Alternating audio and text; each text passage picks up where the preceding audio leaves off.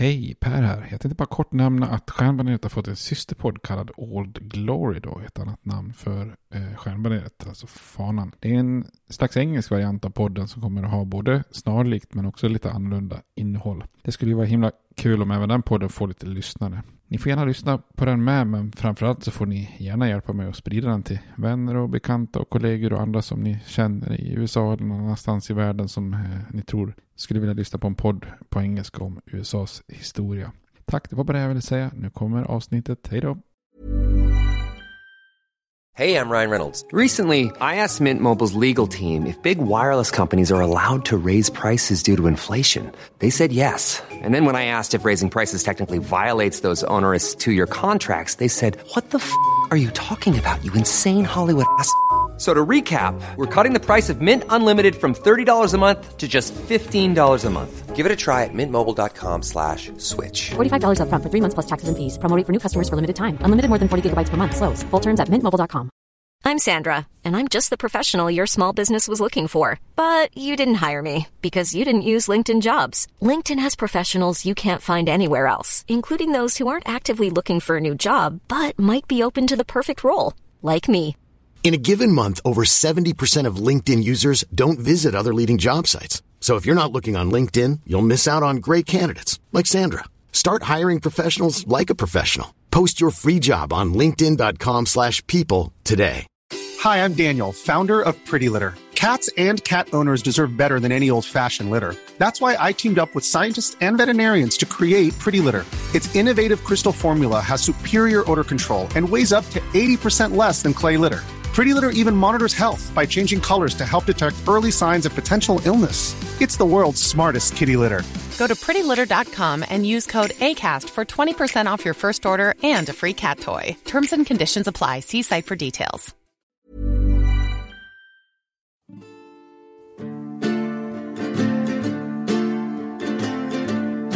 We hold these truths to be self-evident, that all men are created equal, that they are endowed by their Creator with certain unalienable rights, that among these are life, liberty, and the pursuit of happiness. Now we are engaged in a great civil war, testing that government of the people, by the people, for the people, shall not perish from the earth. And so, my fellow Americans, ask not what your country can do for you, ask what you can do for your country. I have a dream my four little children will one day live in a nation where they will not be judged by the color of their skin, but by the content of their character. Mr. Gorbachev, tear down this wall. I did not have sexual relations with that woman, Miss Lewinsky. Då säger jag hej och välkomna till Stjärnbaneret igen, en podcast om amerikansk historia. Jag tänkte fortsätta den här ganska långa serien om medborgarrättskampen för afroamerikaner då, eller medborgarrättsrörelsen.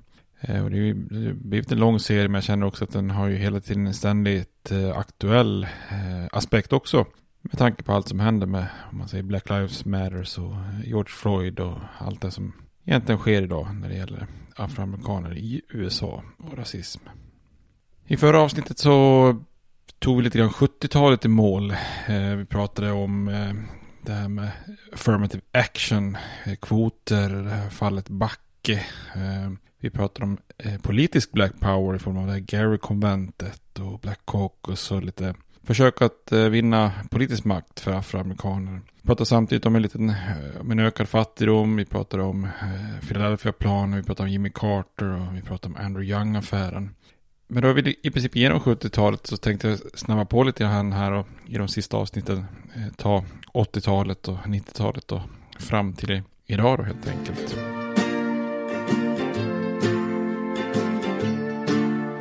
Tittar man tillbaka då så pratar vi ju om det här medborgarrättsrörelsen som en eh, väldigt intensiv period av framgångar för afroamerikaner. Eh, egentligen fram då till och med 1864-65 då. Eh, men sen så, som jag också har sett då, så kom ju formerna lite grann av sig här och eh, under 70-talet så var ju situationen relativt tufft för, för väldigt många afroamerikaner då. man var fast i fattigdom i, i städer och den här fattigdomen lite grann koncentrerades och befästes ytterligare. Och även om orsakerna till deras situation eh, var komplex då, så, så var ju konsekvenserna väldigt tydligt då eh, i, i vad, vilka problemområden det här blev då. Och de här gettorna är ju inte liksom en, det är ingenting som uppstår av en slump utan det var ju väldigt många politiska beslut och strukturer som, som på något vis ligger bakom det här då. Eh, politikerna och politikerna som för, eller politiken som fördes i princip nekar ju svarta tillgång till förorterna. Eh, flyttar någon dit så, så, så, så säger man att eh, man inte är välkommen och du, man, man tvingas i princip flytta tillbaka till innerstäderna då. Och den här politiken som förs, den, den är ju på något vis en form av bostadssegregering som, som talar om vart man kan bo då utifrån eh, sin ras då. Eh, de här så kallade allmännyttorna då, som oftast i bostadsplaneringen kallas för housing projects, eh, blev ju då mer eller mindre avsatta för svarta afroamerikaner då. Kallas ju oftast eh, än, än idag sådana här områden för the projects då utifrån det här begreppet housing projects. Så och de här getterna skapar ju liksom att, att det blir en ännu mer koncentrerad fattigdom. Eh, fattigdom är ju en sak, men när den liksom blir på en helt eh, ny, lägre nivå så blir det ju ännu värre så att säga. Det finns inga som i princip äger sin bostad och arbetslöshet och brottslighet blir, blir ju självklart högre i en sån situation då. Situationen förvärras ju också av 70-talets ekonomiska kris i USA rent generellt då, så att säga. Globaliseringen utsatte ju amerikanska företag för en ökad konkurrens och en automatisering inom industrin minskar ju antalet jobb då. Så det här maskineriet som varit igång som på högvarv sedan egentligen andra världskriget börjar ju eh, få sina utmaningar. Då. Och industrijobben var ju tidigare egentligen vägen för, för många inom eh, USA att bli eh, medelklass då, så att säga. Och de här vägarna blir ju allt färre då. Eh, och det blir en höjd arbetslöshet generellt i USA. Eh, dyrare levnadskostnader och givetvis så slår ju det eh, hårdast mot de mest fattiga, det vill säga många afroamerikaner då. Och arbetslösheten bland afroamerikaner blir ju, når ju till slut liksom nivåer i slutet på 70-talet som är jämförbara nästan med den stora depressionen då.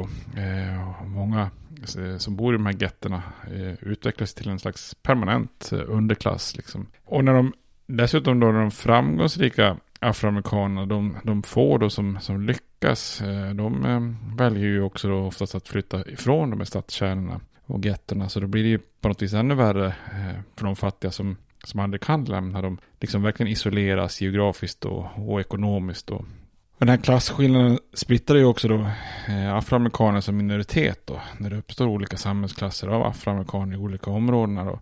Eh, stadskärnorna tappar då de mest engagerade affärsmännen och läkarna, advokaterna, de få som har möjlighet att kunna flytta därifrån då. Eh, och då försvinner ju mycket förebilder från de afroamerikanska områdena. Och på 50-talet så var det ju just liksom det här med kyrkan och, och affärsmän och liksom svarta som, som ändå Eh, bedrev rörelser som, på något vis höll samman svarta områden och stod för mycket av liksom inputen till eh, medborgarrättsrörelsen då. Eh, och eh, som var de som tog stafettpinnen i, inom medborgarrättsrörelsen och eh, organisationer och liknande. Men på 70-talet så blir de här innerstäderna Eh, extrema problemområden då när många av de mest kompetenta afroamerikanerna flyttas därifrån då. Eh, och det är lite grann då som eh, de svarta eh, kvarteren då, neighborhoods blir ju nästan då oftast bara förkortat till the hoods. För det, det är inte särskilt, alltid särskilt mysigt och bo där då.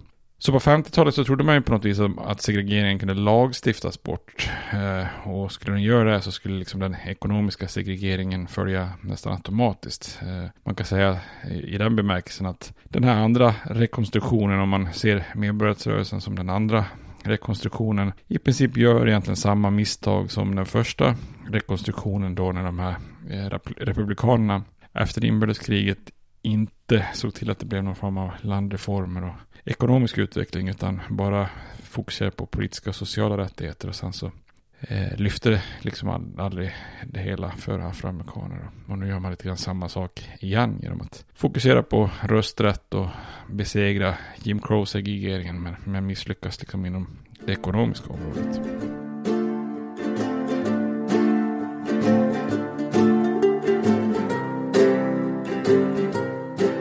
Tittar man då på det här valet vi pratade om förra gången då, 1976, valet av Jimmy Carter, så blev det liksom på många sätt slutet på medborgarrättsrörelsen. Eh, I slutet av 70-talet här så kommer ju en situation när afroamerikanerna kommer ur den här, om vi kallar den för andra rekonstruktionen då, eller medborgarrättsrörelsen med enorma socioekonomiska problem i form av nedgångna innerstäder, dålig utbildning, utbredd fattigdom, mängder av unga svarta män som sitter i fängelse. Och precis i det här läget, liksom, när afroamerikaner som mest egentligen behöver satsning eh, på utbildning, välfärd och liknande, så tar ju dessutom amerikansk politik här i slutet av 70-talet och början på 80-talet en, en rejäl svängning högerut. Eh, och en av de mest symboliska händelserna för den här nya högern är ju såklart valet av Ronald Reagan till president 1980. Eh, Jimmy Carters oförmåga att lösa det här kända gisslandramat i Iran blev på många sätt hans, hans fall då så att säga. Och när den här krisen, ekonomiska krisen där på 70-talet djupnar, eh, blir allt värre så, så blev de fattiga eh, svarta allt mer sårbara och när en hel nation kämpar i lågkonjunktur i slutet på 70-talet så utses ju afroamerikanerna på något vis återigen till någon slags syndabockar då i ett, eh, i ett nytt eh, politiskt eh, klimat. Och en av de som allra tydligast går till attack mot afroamerikaner det är ju just den blivande presidenten Ronald Reagan som under sin presidentkandidat när han försöker bli Republikanernas kandidat redan 1976 då. Han, han segrar ju sen i valet 1980 då. Men när han försöker 76 så eh, går han ju till stor frontala angrepp mot afroamerikaner. Och det, det, mest kända är väl att han under kampanjen ofta berättar den här historien om, om Linda Taylor då, som man kallar för Welfare Queen då, eh, ungefär bidragsdrottningen då, eh, som var en afroamerikansk kvinna som Reagan påstod att, han, att hon tjänade 150 000 dollar om året genom att bara lura socialtjänsten. Och han menar på att det här är ett exempel på hur då liberal politik spårar ur på många sätt. Då. Eh, det som är lite problemet med det här fallet Linda Taylor var ju att eh, det här var ju inte någon gemene afroamerikan utan detta var ju liksom verkligen en slags bedragerska, en brottsling. Eh, var ju inte alls typisk eh, socialbidragstagare i den bemärkelsen då. Men i Reagans lite mer konservativa värld där man vill skruva ner alla tidigare liberala reformer så får ju ett sånt här fall från Chicago på något vis då eh, representera och symbolisera alla afroamerikaner. Dessutom spär det också på lite grann fördomarna för många, eh, många vita får ju någon slags intryck av att 99% av alla bidragstagarna är just afroamerikaner eller latinos då. Eh, fastän det i själva verket visar sig att majoriteten av de som får bidrag och matkuponger från staten och så vidare är egentligen fattiga vita då. Eh, I och med det vi pratat tidigare om, och också om de strukturerna kring hur bidrag är formade och hur de betalas ut. Och att det finns en strukturell rasism även i, i liksom verkställandet av, av bidrag och så vidare. Eh, Reagans attack mot, äh, mot bidragssystemet är ju liksom starten på något sätt på en ideologisk förändring också. Ända sedan den stora depressionen så hade ju staten betalat ut socialhjälp och eftersom systemet i sig ofta präglades av strukturell rasism så hade majoriteten av de som tagit emot bidrag varit vita. Men så här i kristider då så antydde ju Reagan att eh, skattepengarna bara gick till afroamerikaner. Och han lovar helt enkelt nedskärningar som ska på något vis rädda ekonomin då. Eh, så det här är ju en vändpunkt eh, både i afroamerikanernas historia och i den allmänna attityden då i USA gentemot fattigdom då man börjar Eh, allt fler börjar anse att fattiga inte förtjänar någon som helst hjälp då. Man ställer sig inte liksom frågan om vad det är för typ av strukturer eller förutsättningar i livet som lett till att man blir fattig. Utan istället så ses fattigdom som 100% som någon slags individuellt misslyckande och, och liksom inte orsakat av eh, strukturella faktorer då. Reagan pratade också väldigt mycket under sin presidentkampanj 1980 om delstatsrättigheter och att återvända till bättre dagar. Och det här budskapet lockade ju oerhört många eh, vita. Eh, men för svarta eh, amerikaner verkar det ju mer vara som ett eh, angrepp liksom på de framsteg som de har gjort sedan medborgarrättsrörelsens dagar. Då. Med Reagan som president så slutar ju också den verkställande makten att på något vis stödja utökningen av civila rättigheter. Eh, tidigare välfärdsprogram som Great Society och sådär börjar monteras ner. Eh, Reagan utser väldigt många motståndare till affirmative action som myndighetschefer och federala domare.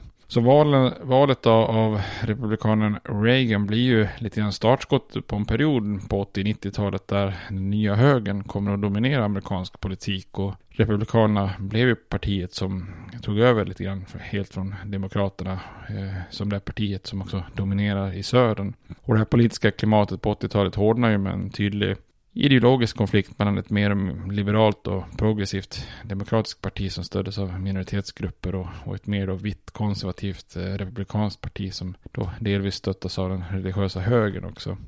Eh, Medborgarrättsrörelsen och protester mot Vietnamkriget hade ju också gjort 60-talet till en väldigt omvälvande tid för partierna och flera grupper och, grupper och intressen som sett utvecklingen under 60-talet med fasan liksom började ju hitta sin naturliga hemvist i den här nya högern och det mer konservativa republikanska partiet. Och det här är ju liksom grupper som motsätter sig även jämlikhet och kvinnors rättigheter motsätter sig rätten till abort i det här kända Roe vs Wade-fallet eh, från 73. Och som motsatte sig anklagade brottslingars rättigheter och som motsatte sig högsta domstolens domar som förbjöd tvång av morgonböner i offentliga skolor med mer. Och, och i södern så fanns eh, alla vita som på något vis motsatte sig hela medborgarrättsrörelsen egentligen. Och i norr fanns det vita som motsatte sig sån här skolbussning och affirmative action och den här skattefinansierade välfärden som kom, kommit med Great Society så att säga. Så med, med Reagan som president så var det ganska uppenbart för afroamerikanerna att man inte kunde vänta sig speciellt mycket hjälp från, från staten då. Reagan är ju, är ju känd för väldigt många citat angående statens involvering i samhället och han säger ju bland annat saker som government is not the solution to our problem, government is the problem och the most terrifying word, words in English language are I'm from the government and I'm here to help säger han vid något tillfälle. Han säger också government's first duty is to protect people, not run their lives. Så att det här är ju en oerhört konservativ mot, eh, motattack liksom mot hela systemet som eh, den här demokratiska dominansen under 40, nästan från 30, 40, 50-talet och delar av 60-talet hade byggt upp då så att säga. Ronald Reagan och hans efterträdare George Bush den äldre försökte vända tillbaka både egentligen Johnsons Great Society och Roosevelts eh, nya, nya giv då. Under de här 12 åren som de är vid rodret så halveras ju federal hjälp till, afro, till amerikanska städer och, och ett antal välfärdsprogram som gynnat fattiga afroamerikaner i innerstäderna eh, läggs ner då helt enkelt.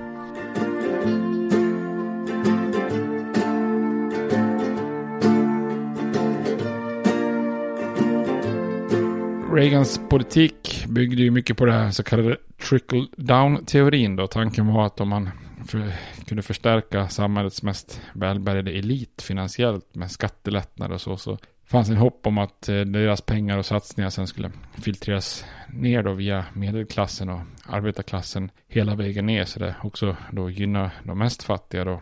Problemet var ju att de här satsningarna filtrerades bort eller stannade på vägen innan de då ner till befolkningen i de stora innerstäderna där långt över hälften var fattiga afroamerikaner då Eh, relativt omgående var det ju uppenbart i, i statistik och arbetslöshetssiffror att den här teorin inte funkar då. 1982 hade arbetslösheten för afroamerikaner stigit till nästan 11 procent och dubbelt så högt som för vita arbetare. Däremot så var det ju uppenbart att det översta filtret hade en väldigt fin mesh som det heter, alltså finmaskigt nät för realinkomst realinkomsterna för den rikaste 1% hade ju då nära fördubblats utav det här då. Så det är inte så mycket som så att säga trickle down eh, ner till eh, de andra utan det, det gynnar toppen mer än botten då. Och Reagans ekonomiska politik, då Reaganomics, då får ju enorma konsekvenser för de här hårt drabbade eh, innerstäderna då. Eh, indraget federalt stöd eh, omöjliggjorde för mycket, mycket av de svarta ledarnas arbete då. Städer med svarta borgmästare står lite grann hjälplösa då. Så Reagan blir ju för många afroamerikaner ett hot mot hela det svarta USA då. Och det blir väldigt tydligt när han besöker ett fattigt område där det finns en kvinna som ett känd som skriker. Och hem till Hollywood, vi vill, vi vill inte ha dig här, skriker hon till Reagan. Med referens till att han har varit skådis innan, men det visste det säkert.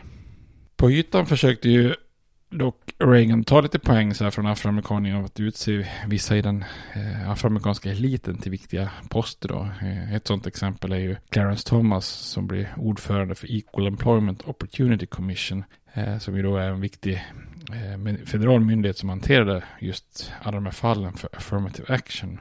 Problemet var ju liksom att visst var ju Clarence Thomas en afroamerikansk man då, men han var ju också oerhört konservativ då.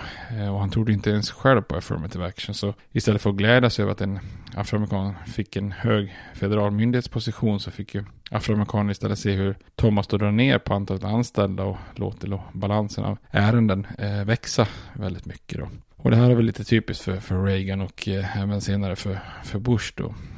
Så under Reagans år så var ju framgångarna för afroamerikaner ganska få då. Eh, det finns två symbolfrågor som ändå blir viktiga för afroamerikaner. Det ena är att man lyckas med instiftandet av en nationell helgdag för att hylla Martin Luther King. Någonting som många afroamerikaner eh, tycker är väldigt symboliskt bra och, och riktigt på alla sätt. Då.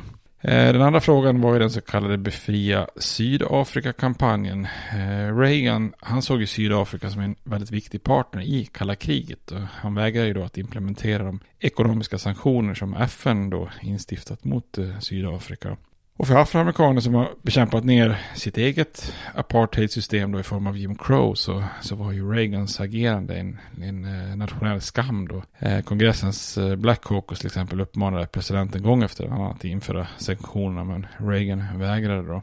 Och strax efter valet 1984 så valde Eleanor Holmes Norton som en person som då hade sparkats av Reagan från sin post på Equal Employment Opportunity Commission då just på grund av kritik mot Reagans nedmontering av medborgerliga rättigheter. Då väljer hon Norton att tillsammans med två andra inleda en protest på, på Sydafrikas ambassad i, i Washington. Och efter att ha arresterats så höll de en presskonferens och meddelade att man startade någonting som man kallar för Free South Africa Movement då, som blir en proteströrelse mot både Sydafrika då och Reagans relation med landet. Då. Och det är ju väldigt många veteraner från medborgarrättsrörelsen som går med i den här proteströrelsen då. Bland annat eh, Martin Luther Kings fru då, Coretta Scott King eh, och även eh, Rosa Parks, ni vet kvinnan som inte som vägrade resa på sig på en buss i, i Montgomery.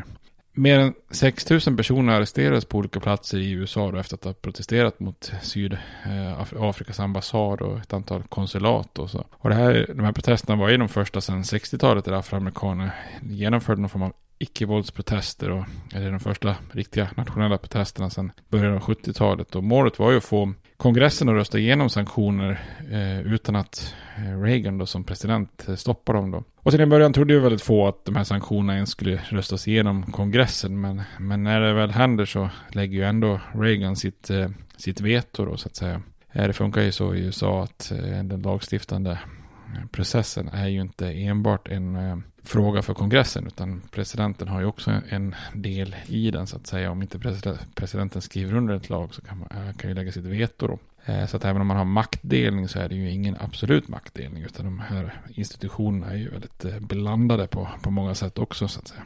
Men efter en intensiv kampanj då så lyckas man vinna över även många republikaner och till slut så kunde kongressens båda kammare i september 1986 rösta igenom de här sanktionerna över presidentens veto då. Och det krävs ju då två tredjedelars majoritet. Så att eh, det här blir ju en stor seger för afroamerikaner att man lyckas få igenom sanktioner mot Sydafrika Även om inte Reagan vill det då. Eh, och på plats i senaten när det här historiska skedde så fanns ju bland annat eh, Coretta Scott King och även Jesse Jackson då så att säga. Eh, för många afroamerikaner så blir ju det här eh, liksom en, en jätteviktig eh, symbolisk fråga då. Och, eh, bara liksom mm, några år senare då efter omvärldens sanktioner och och olika protester så, så följer också apartheidsystemet och 1990 så släpptes ju Nelson Mandela ut ur fängelset i Sydafrika.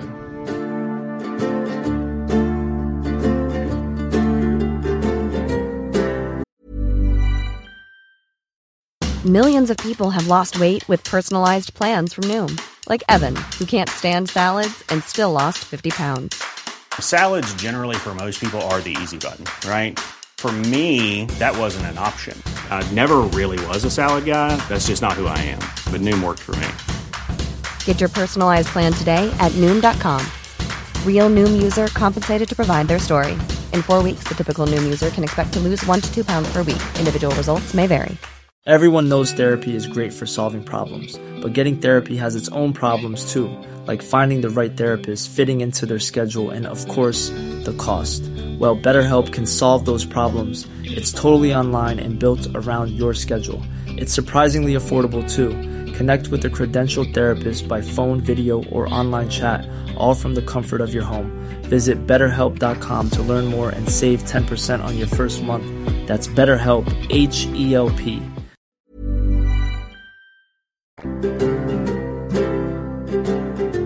Ett av de här områdena som har drabbats hårdast av Reaganomics och Reagans eh, eh, nedmontering av liberala reformer och eh, hans ekonomiska politik, politik. Det, det är ju såklart eh, storstäder och eh, afroamerikanska områden då. Eh, och kanske det som drabbas hårdast blir South Bronx i, i New York då. Eh, där är ju fastighetsvärdet till slut så lågt att många fastighetsägare brände heller ner huset för att åtminstone få lite försäkringspengar. För att det går inte att knappt att använda dem då. Eh, så Bronx blir ju ser ut lite grann som en slags, eh, nästan som en krigszon. Det brinner lite här och där i princip då.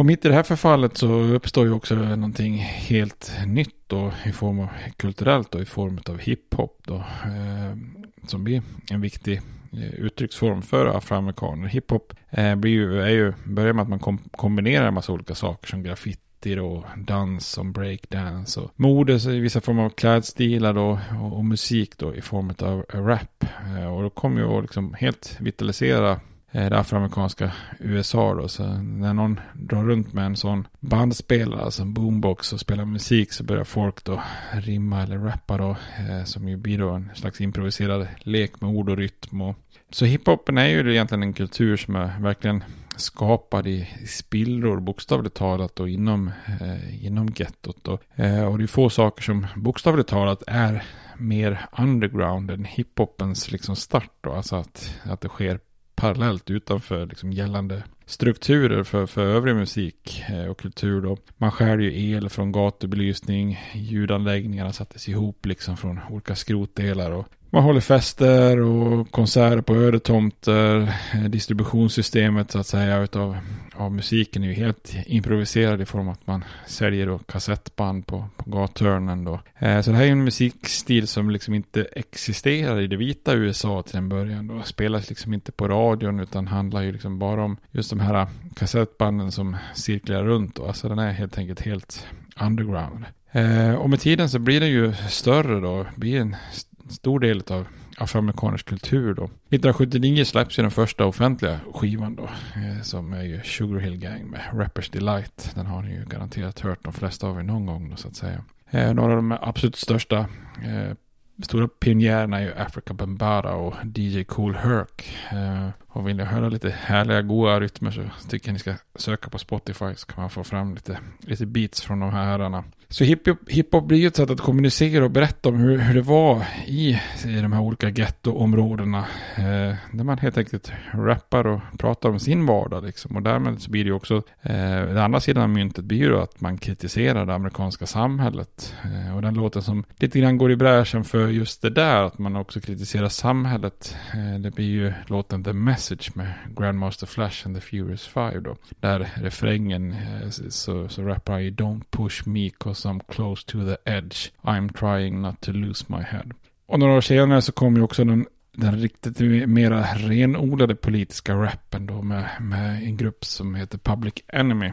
Eh, som då kombinerar lite sådana här Svarta Pantrarna retorik med lite funk och rock och samhällskritik då. Och han som rappar i Public Enemy är ju Chuck D och han, det är hans rap och, och hårda budskap är lite, lite som ett slag i ansiktet på, på det vita USA då. Och man slår igenom eh, stort med sin andra skiva 1988 då som kallas för It takes a nation of millions to hold us back. Eh, och uppföljaren Fear of a Planet med låtar som Fight the Power då som till exempel var Svarta Pantrars bu budskapen då så så menar ju de, Public Enemy och Chuck D menar ju att rapmusiken är helt enkelt afroamerikanernas motsvarighet till de vitas CNN då. Att man, man får en rapport från vad som händer på gatan så att säga.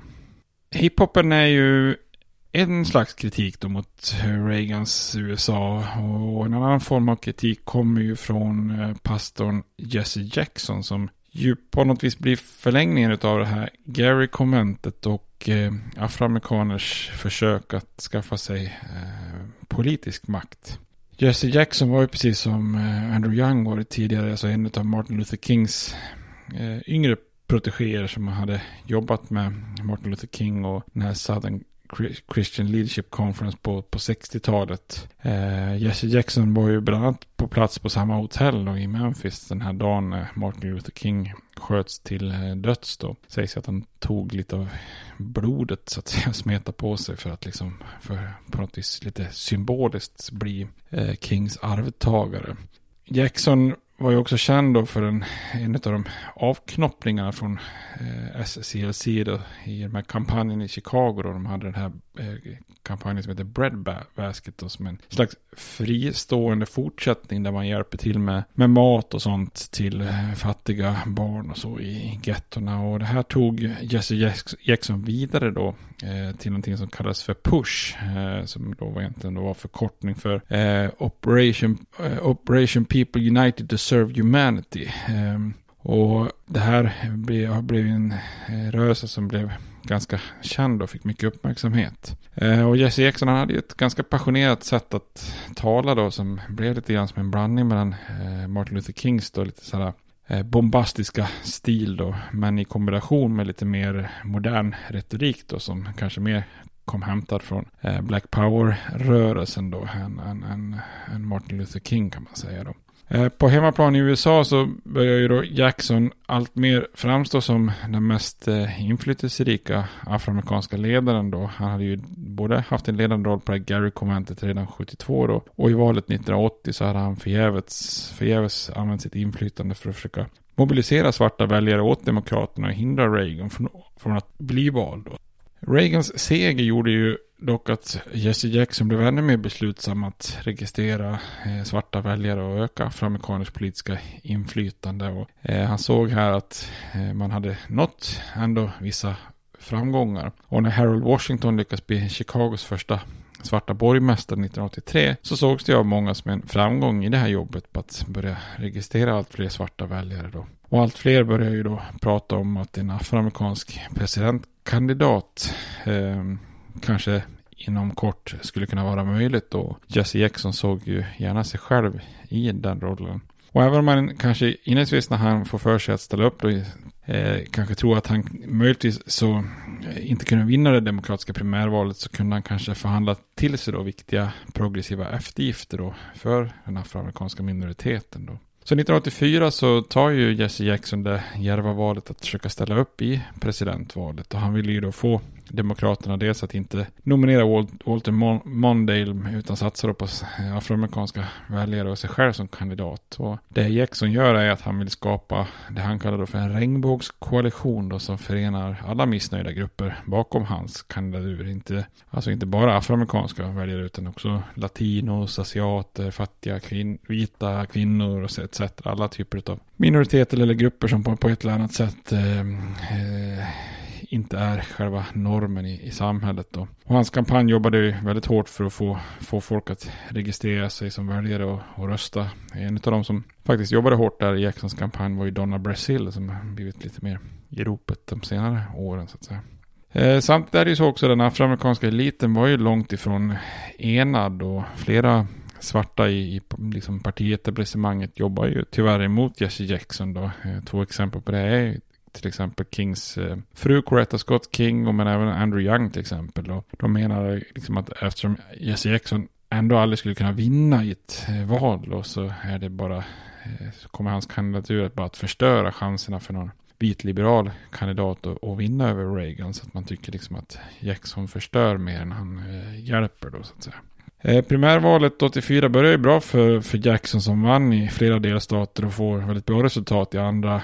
Men sen så kommer det lite motgångar. Bland annat en afroamerikansk reporter citerar Jackson eh, med att ha kallat New York City då för Town eh, som är ett nedlåtande namn som han spelar på stans stora judiska befolkning och så, så får han mycket kritik. Och det blir inte bättre heller när Nation of Islams ledare Louis Farrakhan som eh, ställt upp som skydd under kampanjen fällde en massa hotande kommentarer mot den här reporten och kallar honom för förrädare och så vidare. Då. I slutändan så klarar sig Jesse Jackson bättre än vad många trott och han får 3,5 miljoner röster i primärvalet och stöd från 300 delegater på Demokraternas nationella partikonvent. Och Eh, han fick ju mycket större stöd än Shirley Critchie som fått, fått 12 år tidigare och han eh, hade motbevisat att en afroamerikansk kandidat inte bara kunde få stort stöd av svarta utan, väljare utan också att man kunde få relativt brett stöd bland demokratiska väljare i, i största allmänhet. Då, så att säga.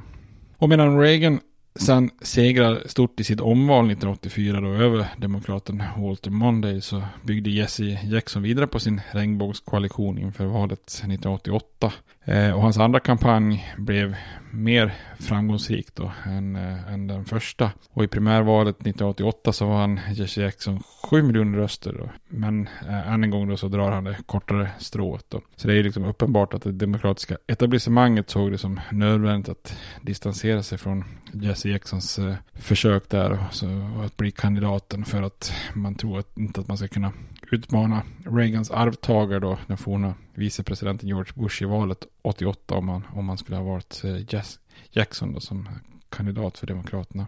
Så det är ju uppenbart att Jesse Jackson såg sig fortfarande som en outsider och han hade lite svårt att kombinera den här rollen som militant språkrör för missnöjda grupper samtidigt som han behövde bevisa att han var en lojal partikandidat för hela Demokraterna då. Eh, många afroamerikaner var ju besvikna över Jacksons primärvalsförlust och den här besvikelsen blev ju inte bättre sen då, utan förvandlas ju till någon form av upprördhet när den demokratiska kandidaten Michael Dukakis eh, dessutom valde då att försöka attrahera de demokrater som hade bytt till republikanerna då. Eh, sådana här Reagan-demokrater som de kallas för då. Eh, när han försöker flörta med dem snarare än att försöka mobilisera Jacksons väljare i regnbågskoalitionen så blir ju många afroamerikaner lite ilsk då.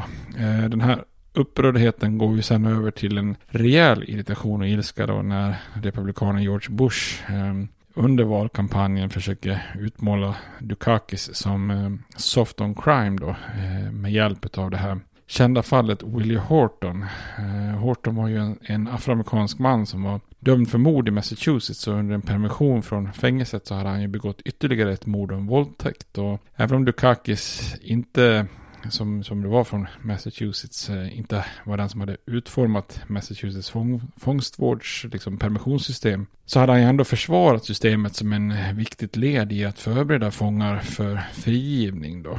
Eh, men Bush-kampanjen körde ju då en tv-annons som, som avslutades då med en sån här mugshot, alltså en sån här bild som polisen tar på Willie Horton och, och verkligen liksom spelade på alla fioler om att afroamerikanska män var farliga våldtäktsmän då. Liksom tillbaks, rätt, rätt tillbaks till rekonstruktionens USA i princip. Och den här annonsen var ju verkligen liksom som en röd tråd från forna tider då. Eh, när, när afroamerikanska män ansågs liksom farliga och när som helst kunde våldta vita kvinnor. Så här blir det nästan som en dålig repris av Nixons Slå en order och eh, valbudskapet var ju var ju väldigt tveksamt och, och spelade ju så uppenbart på vitas fördomar och, och om svarta som brottslingar så att eh, det var ju Eh, uppenbarligen eftersom Bush-kampanjen också lät när annonsen utformas och finansieras av en oberoende media så att Bush-kampanjen själva kunde hävda då att man inte låg bakom den så att alla förstod ju att det, att det var en ganska horribel annons egentligen. Men trots att Jesse Jackson då inte vinner något av de här två primärvalen så hade han ju eh, liksom lämnat ett arv efter sig då. Han, han stod upp för ett slags återupplivande utav medborgarrättsrörelsens anda och afroamerikanska förhoppningar. Och i och med att han ändå hade gått hyfsat i de här valen så var det ju kanske första gången som många amerikaner insåg att en afroamerikansk man faktiskt någon gång kommer att kunna utmana om presidentposten då så att säga Det skulle ju dock dröja några, några år men sen kommer ju valet med Obama.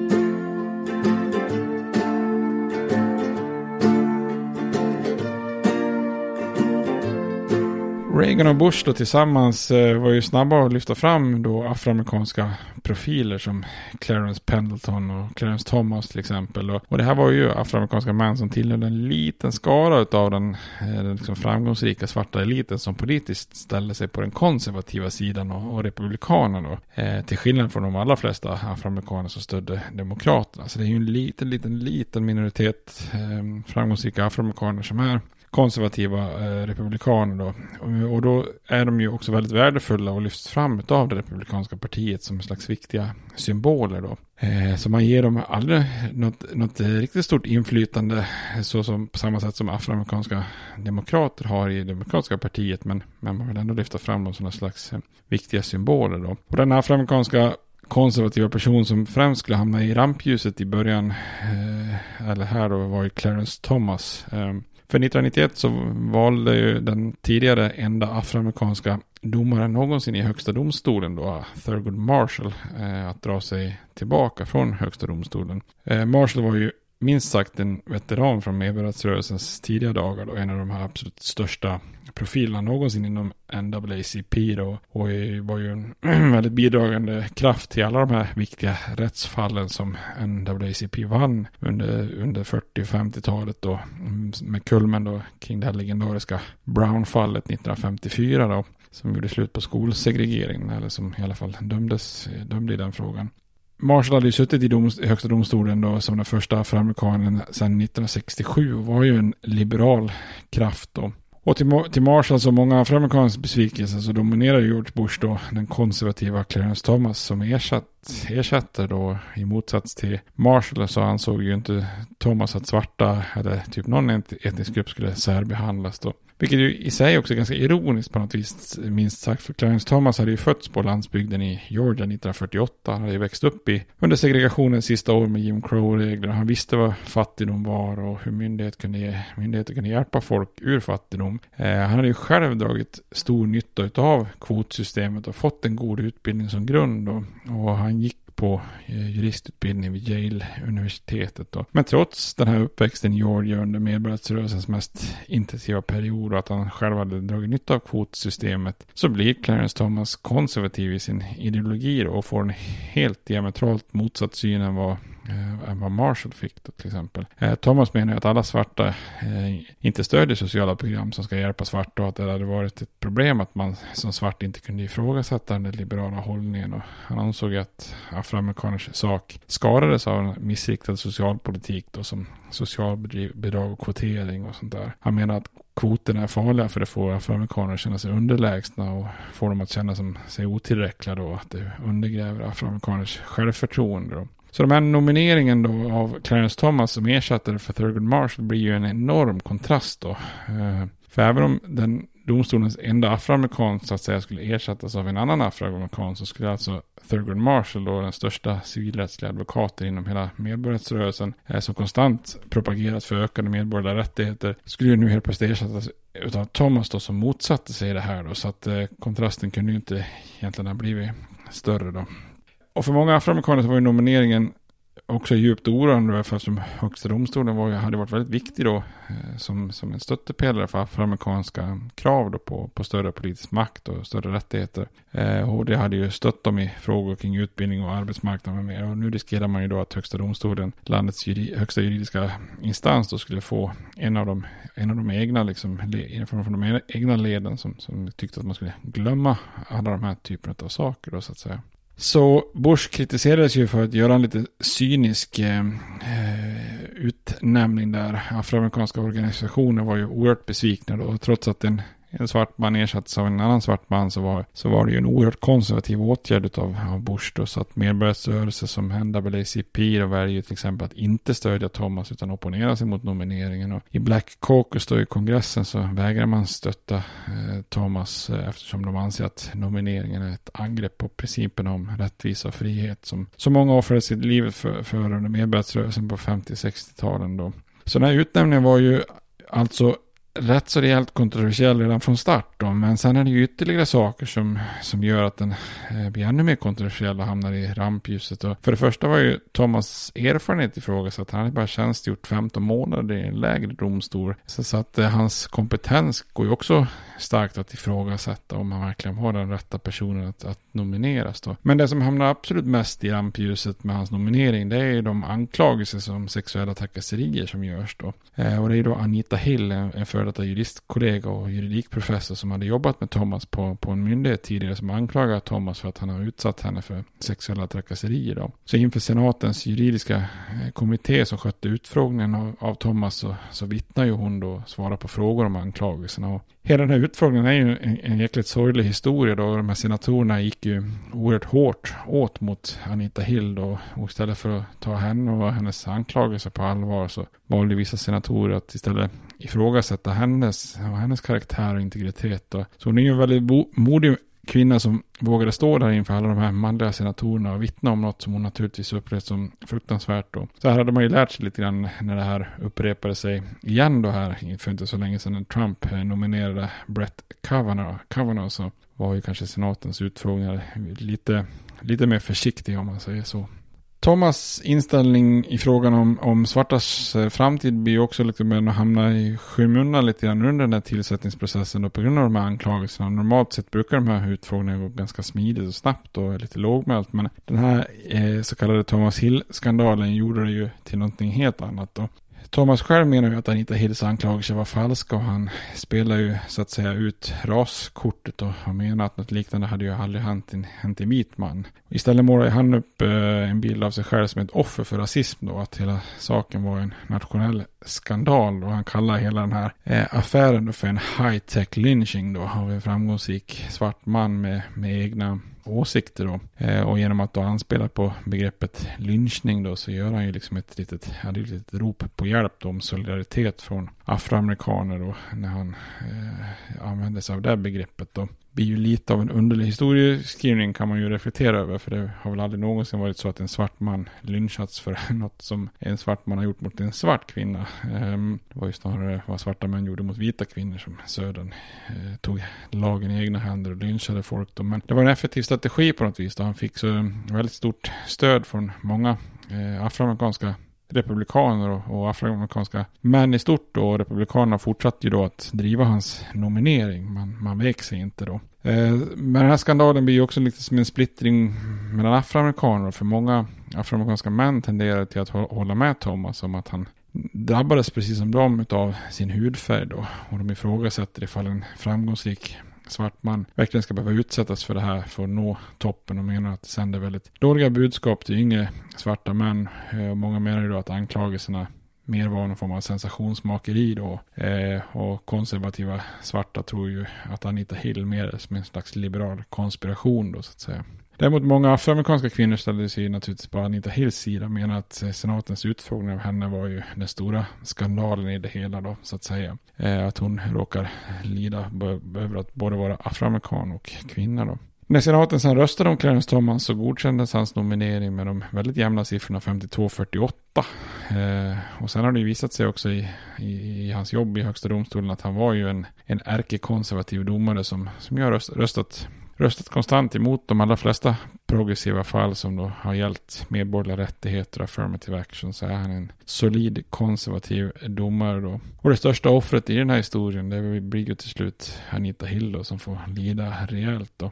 Clarence Thomas eh, ses ju som svarta män som en av oss då och man i solidaritetens tecken eh, då behövde offra Anita Hill då. Eh, och genom att anklaga en högt uppsatt svart man var det som att Anita Hill automatiskt blev någon slags förrädare av, svartas sak då, så att säga. Och under de här 20 åren som Thomas har varit domare i Högsta domstolen så har han ju röstat för indraget stöd för raskvotering och sociala program. Och han uttrycker ju åsikter om att eh, afroamerikaner själva ansvarar personligen för, för, för att göra framsteg. Så att det är som att han har glömt sin egen eh, uppväxt och, och där han gynnades av, av systemet. Då, så, att säga. så då har vi gjort lite grann 80-talet också då. Man kan ju reflektera då att trots att medborgarrättsrörelsen stod på sin höjdpunkt 1965 då så går det alltså bara lite grann utför efter det. Då. Först stoppas ytterligare reformer upp då under åren när Nixon och Carter är presidenter. Då klingar liksom medborgarrättsrörelsen av. Eh, och därefter så sätter Reagan och Bush igång en konservativ motreaktion då som på i, i princip nästan alla fronter försämrar för den stora massan av fattiga afroamerikaner i innerstädernas getton då. I nästa avsnitt ska vi se följderna av detta då i form av den otroliga epidemi av crack-narkotika som, som, som går igenom eh, de här gettorna. Eh, och eh, som också leder till det här som kallas för massinterneringen av svarta män i fängelserna. Då. Vi ska också kolla in lite grann på rättssystemet då, hur, hur det fungerar genom eh, fall som Rodney King och O.J. Simpson och se lite grann vad, vad 90-talet med Bill Clinton har att erbjuda afroamerikaner. Men det gör vi i nästa avsnitt. Tills dess får ni ha det bra. Hej då! States like these and their terrorist allies constitute an axis of evil And if the hippies and the yippies and the disruptors of the systems that Washington and Lincoln as presidents brought forth in this country will shut up and work within our free system of government, I will lower my voice. If the impeachment provision in the Constitution of the United States will not reach the offenses charged here, then perhaps that 18th century Constitution should be abandoned to a 20th century paper shredder. Therefore, I shall resign the presidency effective at noon tomorrow.